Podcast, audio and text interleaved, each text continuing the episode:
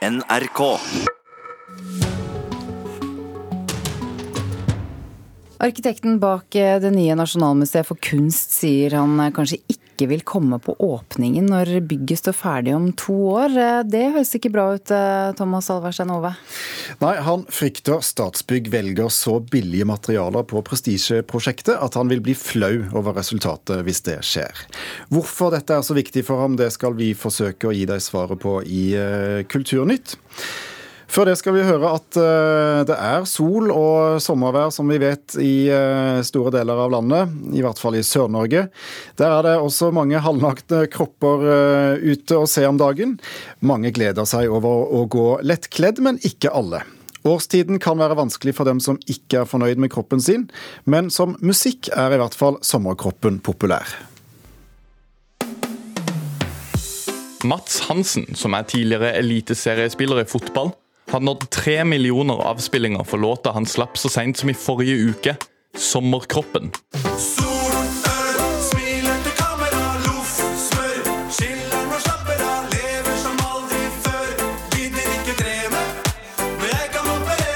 Ungdommen trykker låta til sitt bryst, men det er nok verken sangstemmen eller de velkjente akkordene som gjør at Sommerkroppen topper Spotifys topp 50 i Norge-liste. Mats Hansen har lenge vært kritisk til det kroppspresset de unge opplever gjennom bloggere og sosiale medier. Og det er det låta handler om. Skal jeg få sommerkroppen som jeg vil, så må jeg opereres. De har en klinikk for meg på Majorstua. Det fikser meg så utrolig bra. Du kan stikke og trene noe squats. Jeg skal opereres. Flere og flere unge mennesker har psykiske problemer, og ved siden av skolepress er kroppspress verstingen. Nå skal sommerkroppen vises fram. Det gruer flere og flere seg til, sier Ingunn Marie Eriksen i NOVA, som forsker på ungdom, skole og ungdomskultur. Den befolkningen som opplever eh, psykiske helseplager av en viss grad, det har økt ganske kraftig eh, fra de siste 20 åra, og så ikke minst de siste 10 åra. I dag skal Eriksen legge frem noen funn og snakke om kroppspress til barne- og likestillingsminister Linda Hofstad Helleland, som har invitert til et møte med bloggere og influensere for å høre hva som kan gjøres i kampen mot kroppspresset. Eh, fordi det er så mye informasjon der ute, så det er liksom overload av informasjon som gjør det vanskelig å lande hva som er riktig for eh, den enkelte. Da. De tenker mye på det, høres ut? De tenker svært, svært mye på det. Det er helt tydelig at dette her eh, er ikke noe en tar lett på. På det populære badestedet Sørenga i Oslo er det mange som ikke tar så lett på det. Stresser du med å vise fram sommerkroppen på Sørenga? Litt. Jeg har ikke lyst til å vise den frem hvis jeg ikke er helt klar. liksom. Ja, man tenker jo alltid på det. I hvert fall hvis man er litt blek og kommer rett fra vinteren. Så er det jo føler man seg kanskje litt ekstra usexy, da. Jeg kan jo kjenne det sjøl òg, når det plutselig har blitt sommer og skal ta meg, at det er litt sånn ja, oi. Ja, Det fortalte folk på badeplassen Sørenga i Oslo til reporter Daniel Eriksen. I går kveld fortalte arkitekten bak det nye Nasjonalmuseet på Vestbanen i Oslo at han er sint. Statsbygg velger en enklere måte å lage den såkalte alabasthallen på toppen av museet, det som skulle bli selve kronen på verket og lyse opp i Oslo-natten. De får ikke til å bruke materialet som var tenkt, og prøver nå nye løsninger. Men arkitekt Klaus Sjoverk mener de enkle løsningene vil gjøre at museet ser mer ut som et kjøpesenter. I am very critical about this cut because the alabaster hall is the most important part of the National Museum. So it's uh, we can't downgrade simple glass uh, solution, which would be adequate for a shopping mall, but not for the National Museum. Hvis Statsbygg går for det billige glasset, vil han være så flau av det nye museet at han ikke ønsker å delta på åpningen om to år. Det er et ganske kraftig utsagn fra en arkitekt, kulturkommentator Agnes Moxnes. Hvorfor er denne alabasthallen så viktig for ham? Det er fordi at det er selve gullformelen hans. Det var pga. den at Klaus Sjoverk vant, altså en temmelig ukjent ung tysk arkitekt. Pga. den han vant konkurransen om å tegne det nye Nasjonalmuseet. Og ideen hans var jo å bygge en litt sånn tung, bastant festningsbygning som hilser liksom litt over til Akershus festning, som ligger midt i fleisen på det nye Nasjonalmuseet. Han har kledd det i grå skifer fra Oppdal. Og oppå der da så skal det ligge nesten 3000 kvadratmeter gjennomskinnelig rektangulær hall, altså denne alabasthallen, som i en mørk vinterkveld, som vi jo har ganske mange av i dette landet her, vil se ut som hva skal vi si for noe, en slags sånn opplyst drivhus som da ligger og flyter i bylandskapet. Så for ham, selvfølgelig, for bygget, for Oslo og for Norge, og vi snakker jo Nasjonalmuseum her, så er dette selve prikken over i-en, og derfor så er det veldig, veldig viktig, det er lett å forstå det, at dette her blir ekstremt bra, og ikke noe kjøpesenteraktig. Men Juryen som plukket ut dette bygget, visste allerede på det tidspunktet at eh, det ville bli vanskelig å bruke dette mineralet alabast. Hvorfor valgte de dette da? Jeg er litt usikker på om de egentlig visste det. Eh, men eh, det er litt vanskelig å få svar på hvor mye de egentlig visste da de gikk for denne løsningen her. Nå sier alle sammen at de skjønte at det var et slags uttrykk for hva arkitekten ønsket seg. Det er jo, altså Alabast er et gjennomsnitt gjennomskinnelig mineral eh, som er marmorert. Eh, det fins stort sett på sånne små gjenstander, noen gammeldagse askebegre og, og, og lamper og, og, kunstgjenstander og sånt noe. Eh, så det, vi vet at det, de jobbet lenge med å, å prøve å løse dette i alabast. Og så ble det forkastet i, i 2014, og så satte man da i gang med å finne, prøve å finne andre løsninger. Hvor alvorlig eh, vil du si situasjonen er nå mellom Statsbygg og arkitekten? Ja, Det er jo ikke noe hyggelig når du har en arkitekt som ikke har lyst til å komme til åpningen av liksom, antageligvis det bygget han kommer til å i hvert fall har tenkt å være mest bekjent av, eh, av alt han har gjort. Eh, det har nok til tider gått en kule varmt mellom arkitekten og, og Statsbygg eh, og oppdragsgiverne hans. Særlig diskusjonene om materialvalg. Eh, og da gjelder det ikke bare disse veggene her, men det gjelder alt fra hvordan materialvalget skal være på toalettene til ytterveggene.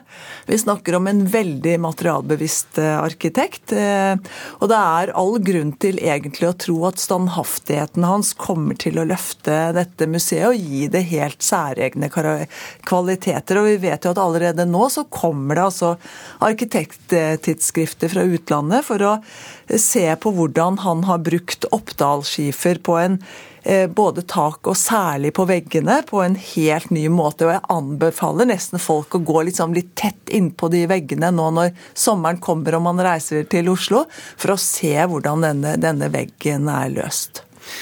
Det får være en oppfordring til alle lyttere der ute. Tusen takk skal du ha, Agnes Moxnes.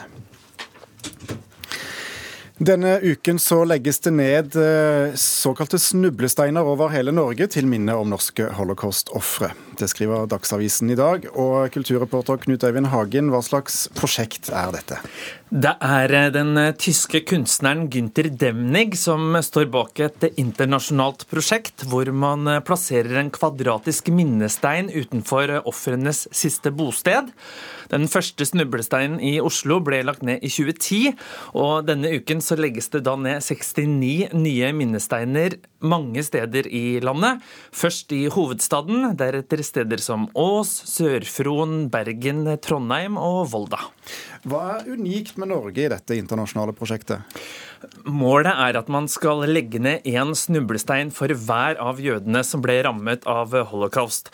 Og Norge kan faktisk bli det eneste landet hvor det blir realisert. For eh, selv om 800 ofre er et stort og trist tall for oss, så er det mindre i forhold til de enorme tallene i Europa. Og selv om man ikke i denne omgang vil nå det målet, så kommer man et godt skritt nærmere å minnes hver og en som ble ramma, i det som jo er et mørkt kapittel i norgeshistorien. For En del snublesteiner ligger allerede i asfalten eh, rundt om eh, i landet her. Vi skal til eh, et annet prosjekt som tar for seg mørke hendelser. Det skjer langt utenfor våre farvann, nærmere bestemt Zimbabwe. For der vekker et nytt teaterstykke internasjonal oppsikt. Ja, i teaterstykket 1983, De mørke årene, så tar man for seg et av de mest smertefulle hendelsene i landets historie, Gukarahundi-massakren, hvor man Man anslår at så mange som 20 000 mennesker ble drept. Denne hendelsen var da en av de mest markante under regimet til den tidligere diktatoren av det afrikanske landet, Robert Mugabe. Hvorfor kommer dette stykket nå? Han gikk jo av som landets leder i november i fjor, og etter hans avgang har ytringsfriheten blomstret i landet. Og et sånt teaterstykke ville jo vært umulig å sette opp under Mugabes tid uten dramatiske konsekvenser for de involverte. Og det blir påpekt at eh, dette stykket representerer et nytt Zimbabwe, hvor kunsten får friere spillerom. Og det må kunne sies å være en gledelig nyhet. Ingen tvil om det, Knut Eivind Hagen. Vi skal til uh, fiktiv uh, krim og, og, mørke historier, for å si det sånn. Kjell Olav Dahl har sluppet fra seg en ny kriminalbok med tittel 'Søsteren'. Dahl startet sitt forfatterskap med en rekke romaner om uh, politikollegene Gunnar Stranda og Frølich. Så tok han en pause fra kriminallitteraturen, skrev andre ting, bl.a. to dokumentarbøker om fergekatastrofen 'Scandinavian Star' i, som skjedde i 1990. Nå er han for lengst i gang med krim igjen, nå med Frank Frølich i hovedrollen, og tittelen er altså 'Søsteren'. Leif Ekle, vår anmelder, hvem er denne søsteren? Ja, hun er en viktig del av et eh, plott som vi kanskje skal kalle et dobbeltplott i denne nye boka fra Kjell Ola. Ehm, det vil si at eh, det er to søstre, da. Eh, som Den ene befinner seg på et asylmottak i, i Norge.